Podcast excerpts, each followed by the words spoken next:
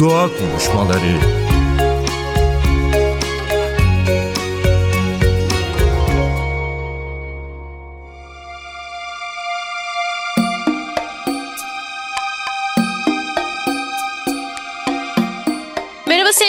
Radyo dinleyicileri ben Nacide Berber. Doğa konuşmalarında tekrar bir aradayız. Yılın ilk doğa konuşmaları. Geçen yıl olduğu gibi bu senede tabii ki doğanın gündemini takip etmeye başlayacağız ama yeni yılın ilk programı olarak aslında birazcık da doğaya dair güzel şeylerden konuşalım dedik ve edebiyatla yolculuğunu aslında birazcık bakmak istedik. O yüzden doçent doktor Cihan Erdönmez bizimle birlikte İstanbul Üniversitesi Cerrahpaşa Orman Fakültesi öğretim üyesi kendisi. Hoş geldiniz Cihan Bey. Hoş bulduk, merhaba. Şimdi hakikaten edebiyatın olduğu yerde her şey zaten güzelleşiyor. Siz aslında daha çok doğanın içinde olan hem kişisel hayatın hem de mesleki olarak tabii ki doğa tarafından diyelim edebiyatla ilgilenen birisiniz. Birazcık hani sizin bir orman bilimcisi olarak edebiyat ve doğa ilişkisini kurmaya nasıl başladınız onu merak ettim açıkçası. Belki onunla başlayabiliriz. Aslında bu edebiyat ve doğa ilişkisi yani hem edebiyata hem de doğaya olan ilgim çocukluk yıllarımda hatta çocukluk yıllarıyla ilk gençlik yılları arasında başladı diyebilirim. Ben şanslı bir çocukluk yaşadığımı düşünüyorum bazı açılardan açılardan şanssız olduğum da olabilir ama 1970 doğumluyum ben ve 70'lerin 80'lerin doğayla daha iç içe olan yaşamından parçaları hatırlıyorum halen hafızamda o parçalar ki aslında işte Ordu ilinde Yeşilce isimli gerçekten adı gibi yeşil bir köyde doğdum. Sonra 7 yaşında İstanbul'a taşındığımızda Kartal'da Soğanlık diye bir semtinde oturdum ki Osmanlı İmparatorluğu zamanında sarayın soğanlı bitkiler, süs bitkileri ihtiyacının karşılandığı bölge olduğu için bu isim verilmiş oraya. Ama benim yaşadığım yıllarda bağlar, bahçeler, bostanlar, içinden akan bir dere olan bir bölgeydi orası. Şimdi öyle değil tabii ki. Dolayısıyla gerçekten doğayla çok sıkı fıkı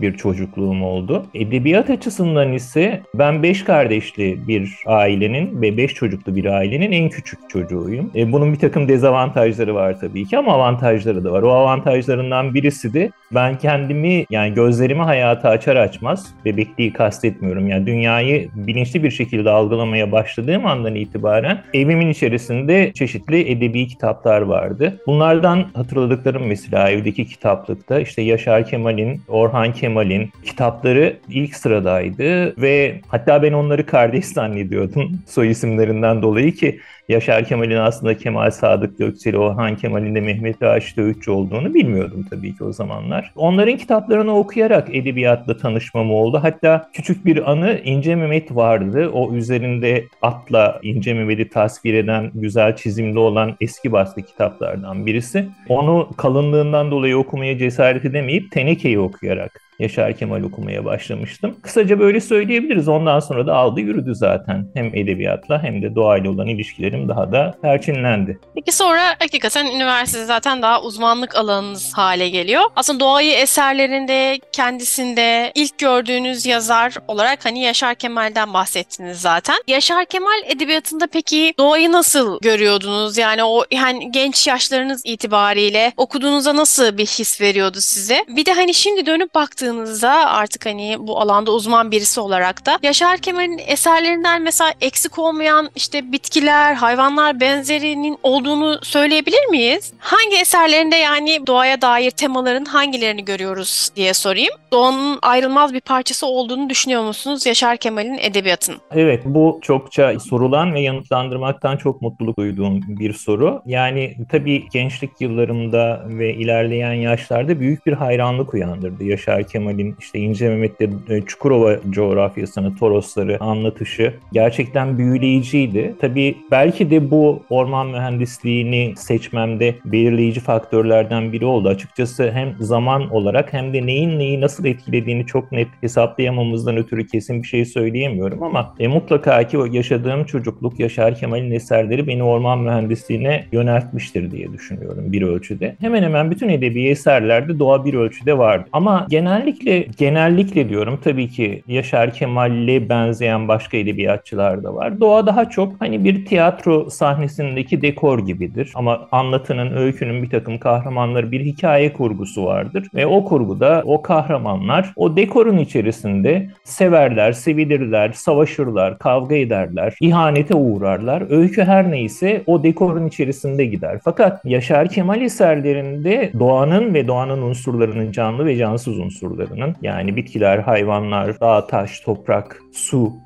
akarsu, göller, göletler öykünün ana kahramanları arasında olduğunu rahatlıkla görebiliyoruz. Burada tabii Yaşar Kemal'in biraz açmak gerekirse nereden geliyor bu Yaşar Kemal'i? Yaşar Kemal çok iyi bir doğa gözlemcisi çocukluğundan itibaren. Bunu da zaten kendisi Yaşar Kemal kendini anlatıyor adlı eserinde. Önce mesela arıları çok gözlemlediğini anlatıyor. Şu bölümü okumak istiyorum izninizle. Onun nasıl bir gözlemci olduğunu anlayabilmek açısından. Bir şeye gözümü dikip günlerce durmadan seyretmek benim çocukluk huylarımın başlıcalarındandı. Örneğin eve getirilmiş bir kilimi aylarca bıkmadan, usanmadan seyrettiğimi anımsıyorum. Çocukluğumda demircilerin ocakları, marangozların uğraşları da benim için arı seyretmek gibi bir şey olmuştur. Bu seyretme işim günlerce de sürüyordu. Sanki hiçbir şey yapmadan seyretmeye gelmiştim. Bir de ağzı yukarı yatıp köyün üstünde dönen, türlü türlü oyunlar oynayan, tortop olup büyük hışıltıyla civcivleri kapmak için köyün üstüne sağılan kartalları seyrediyordum diyor. Sonra oradan böcekleri izlemeye başladığını anlatıyor. Karıncaları nasıl izlediğini, gözlemlediğini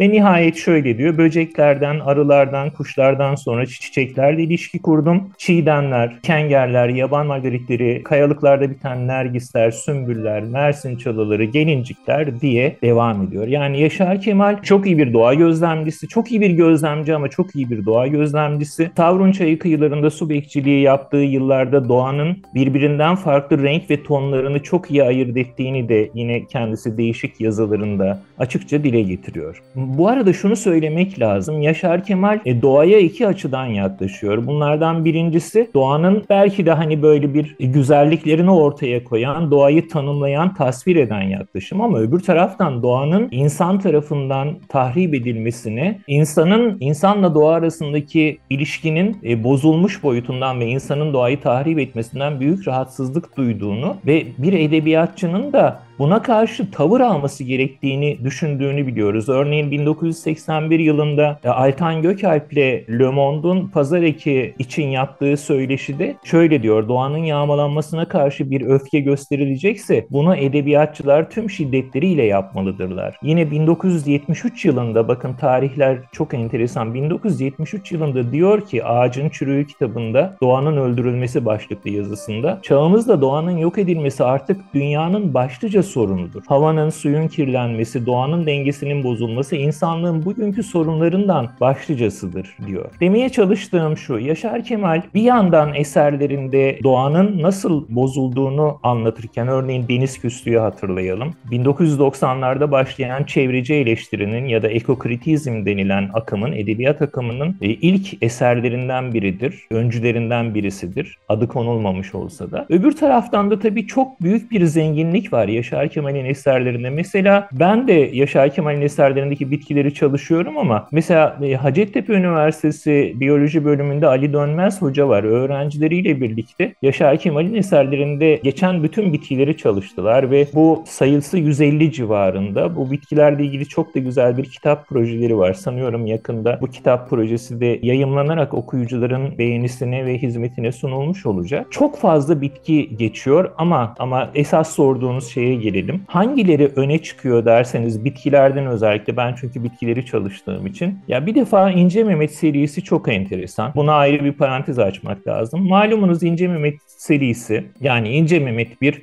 bir Akdeniz'den Toroslara geçiş tasviriyle başlar ve çakır dikeni denilen bitkiyle başlar. İnce Mehmet bir çakır dikeni 86 kez kullanılmış. Ben bunu üşenmedim, saydım. İnce Mehmet 2'de mesela Karaçalı öne çıkıyor. İnce Mehmet 3'te Keven ki Anadolu'da Geven de denilir. İnce Mehmet 4'te de deve dikeni öne çıkıyor. Bu dört bitki çok özel bitkiler. Yani romanın kurgulanmasında çok özel bitkiler. İzninizle neden böyle düşündüğümü de anlatmak istiyorum. Şimdi İnce Mehmet biliyorsunuz Yaşar Kemal'in bir mecbur insan mottosu var. Mecbur insan felsefesi var. Tarihten aldığı, tarihte bir Sakarya şeyhi kendisini mecbur insan olarak gördüğü için. Yine Yaşar Kemal'in kendini anlattığı kitaplardan ya da yazılardan bunu biliyoruz. Mecbur insan insanlığın iyiliği için, e, hak için, doğruluk için, adalet için kendini yakmayı göze alan insandır. E, ve İnce Mehmet de bir mecbur insandır aslında. Bana göre Yaşar Kemal, Kemal de bir mecbur insandır. Şimdi bu dört mesela tabii bu İnce Mehmet kitaplarını okumamışlar için çok da böyle içerik paylaşmak istemiyorum ama e, her bölüm güzel bir gelişmeyle biter. Ve köylüler bu güzel gelişmeyi kutlamak için dikenli düzündeki köylüler bir araya gelerek çakır dikenini yakarak kutlama yaparlar romanın sonunda. İnce Mehmet 2 güzel bir gelişmeyle biter, böyle olur. İnce Mehmet 3 güzel bir gelişmeyle biter. Bu sefer köylüler keven toplarlar, bir yığın yaparlar ve onu yakarlar.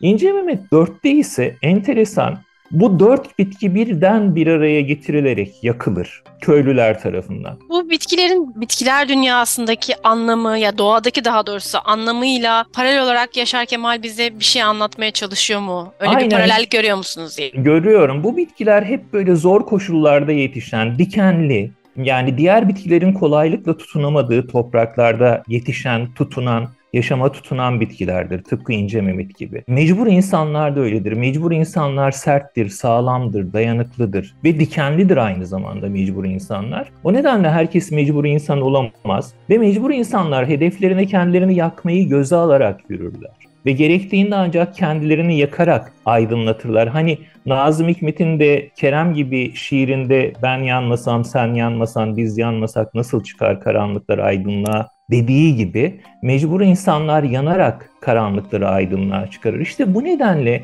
Yaşar Kemal de bütün güzel gelişme her bir serinin sonunda bu bitkileri mecbur insan gibi yakarak kurgusunda ama bu yakma sonucunda da ne diyor? Tekrar o paragrafın sonuna bakalım. Yalımların kızıltısı mor dağlara vurdu, dağlar aydınlandı, sallandı diyor. Yani ben burada bu dört bitkinin tabii Keşke e, yaşasaydı büyük usta ve kendisine sorsaydık, birileri sorsaydı deselerdi ki Cihan Erdönmez böyle diyor doğru mu bu diye. Maalesef bunu sorma şansımız yok artık. Ama ben bu dört bitkinin özellikle İnce Mehmet serisinde bu kadar çok sayıda kullanılması ve öykünün bitişlerinde hep bu bitkilerin öne çıkarılmasını aslında İnce Mehmet'le bu bitkilerin eş tutulduğu şekilde, mecbur insan olduğu şeklinde yorumluyorum. Diğer tabii eserlerinde e, mesela Dağın Öte Yüzü üçlemesinin ilki olan Orta Direk'te de mesela Döngele çok öne çıkar. Bütün eserlerinde kartallar çok öndedir hayvanlar arasında. Yani pek çok hayvan geçer ama kartallar çok öne çıkar. Özetlemek gerekirse zamanımız da kısıtlı. Yaşar Kemal eserlerinde hiçbir bitkiyi, hiçbir hayvanı herhangi bir nedenle rastlantısal olarak kullanmamış. Gerçekten onlara büyük anlamlar yükleyerek öyküsünün, anlatısının ana kahramanlarından biri haline getirmiştir diye düşünüyorum ben.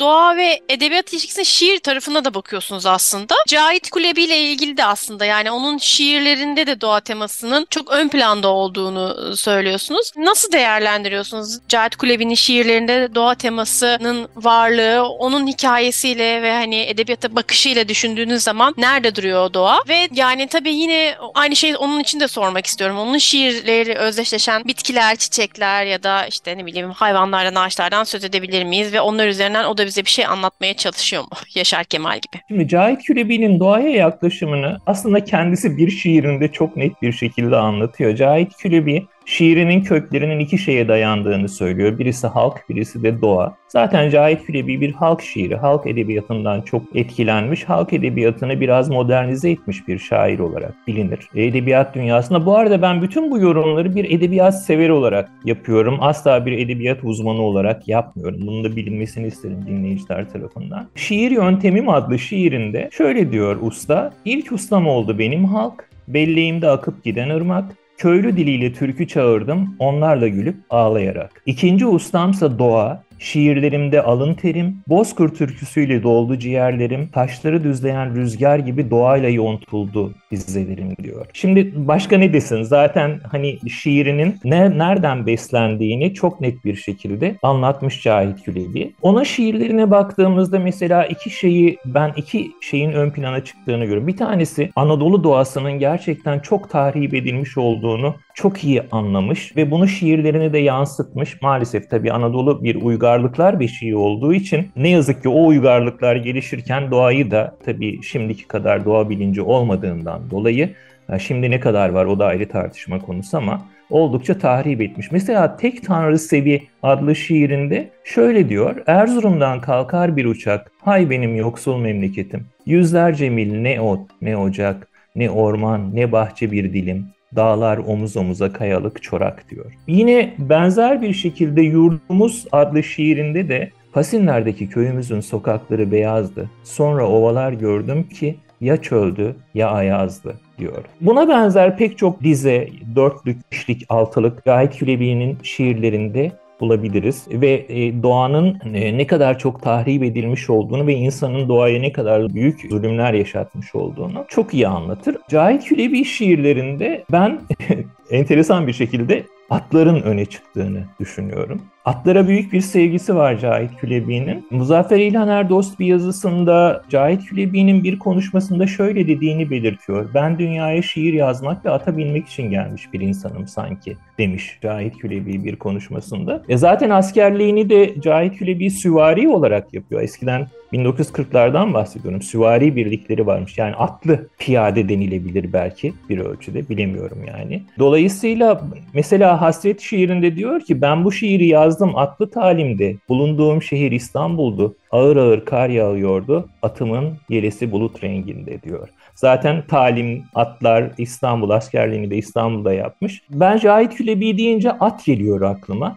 Ama o kadar güzel anlatmış ki mesela atlara yüklediği anlam Cahit Külebi'nin onun için at bir mutluluk, at bir sevinç, at bir ışık habercisi, belirtisi. Bir at severin şiirleri, bir at severin doğaya bakışı ve halka bakışını aktaran şiirler diye bakabiliriz diye düşünüyorum. Sait Faik'i de sormak istiyorum. Çünkü yani doğa ve edebiyat dediğimizde çok fazla hemen ilk aklımıza gelen edebiyatçılardan biri. O tabii ki de hikayeci olarak da aslında başka bir şeyle hem İstanbul büyük aynı zamanda ada, Burgazada düşündüğümüz zaman başka şeyler de söylüyor bize.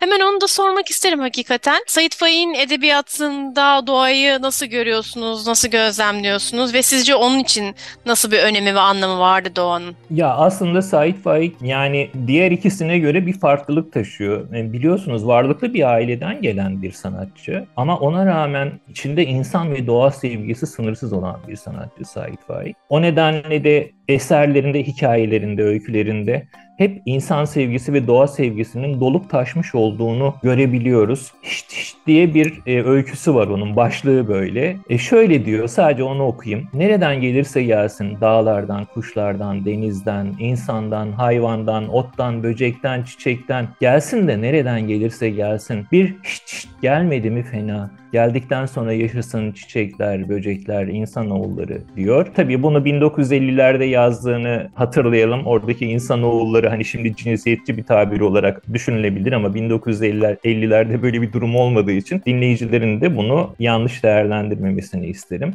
Çok büyük bir doğa sever. Mesela Son Kuşlar mutlaka herkesin okuması gereken bir öykü. Bilmiyorum ne kadar zamanımız kaldı ama zaten Son Kuşların bitişi çok çarpıcıdır. Belki de edebiyat tarihimizdeki en çarpıcı bitişe sahip öykülerden biridir. Gerçekten çok özel bir yere sahip. Hem edebi anlamda hem de doğaya yaklaşımı anlamında bence. Bu üç yazarın edebiyatındaki doğa insan ilişkisi ve aynı zamanda tabii ki daha birçok yazarımız var. Hem Türkiye'de hem de dünyada doğayı hani edebiyatın bir parçası halinde gördüğümüz, okuduğumuz. Onların edebiyatı hani bugün eko edebiyat ve benzeri de deniliyor ama dediğiniz gibi yani 50'lerde falan bunlar hiç bilinmezken aslında onlar bize bunu anlattılar. On Onların edebiyatının doğayla ilişkimizi nasıl tamir edebileceğini düşünüyorsunuz? Yani nasıl bir rehber olur? Nasıl farklı gözle bu açıdan da bakarak aslında aslında edebiyata, doğa ile ilişkimizi tamir edebiliriz? Çok güzel bir soru. Bunu açıklamak hem zor hem kolay. Bir defa her üç yazarda tabii bu üçünü ele aldık. Mutlaka ki yani başka bunlardan mesela İlhan Berk'in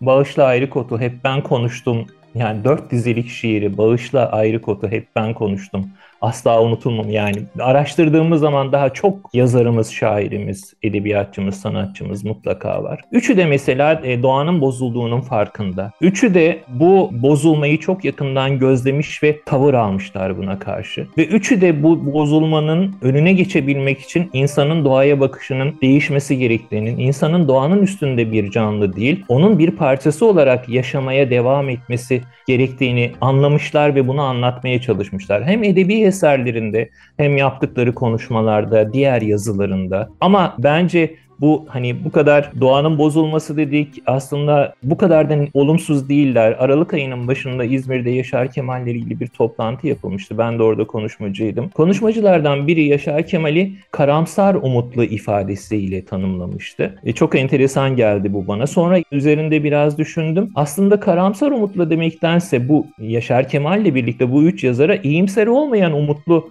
ifadesi daha çok yakışıyor diye düşünüyorum. Açıkçası çağımızda iyimser olmamızı gerektirecek kadar güzel bir durum söz konusu değil ama karamsar ve umutsuz olacak kadar da çaresiz değiliz. Çarelerimiz var. Bu üç yazar bize bu çıkış yollarını da göstermişler ve iyimser olmayan bir umutla, umudu hiçbir zaman bırakmadan ama iyimser olacak kadar da hani pembe gözlük takmadan olaylara yaklaşmamız gerektiğini çok iyi anlatmışlar.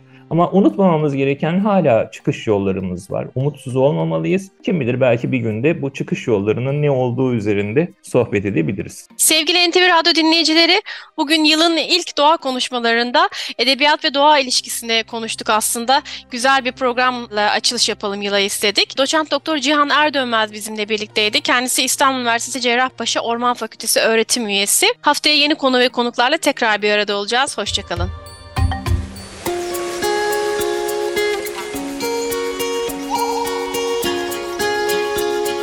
Doğa konuşmaları sona erdi.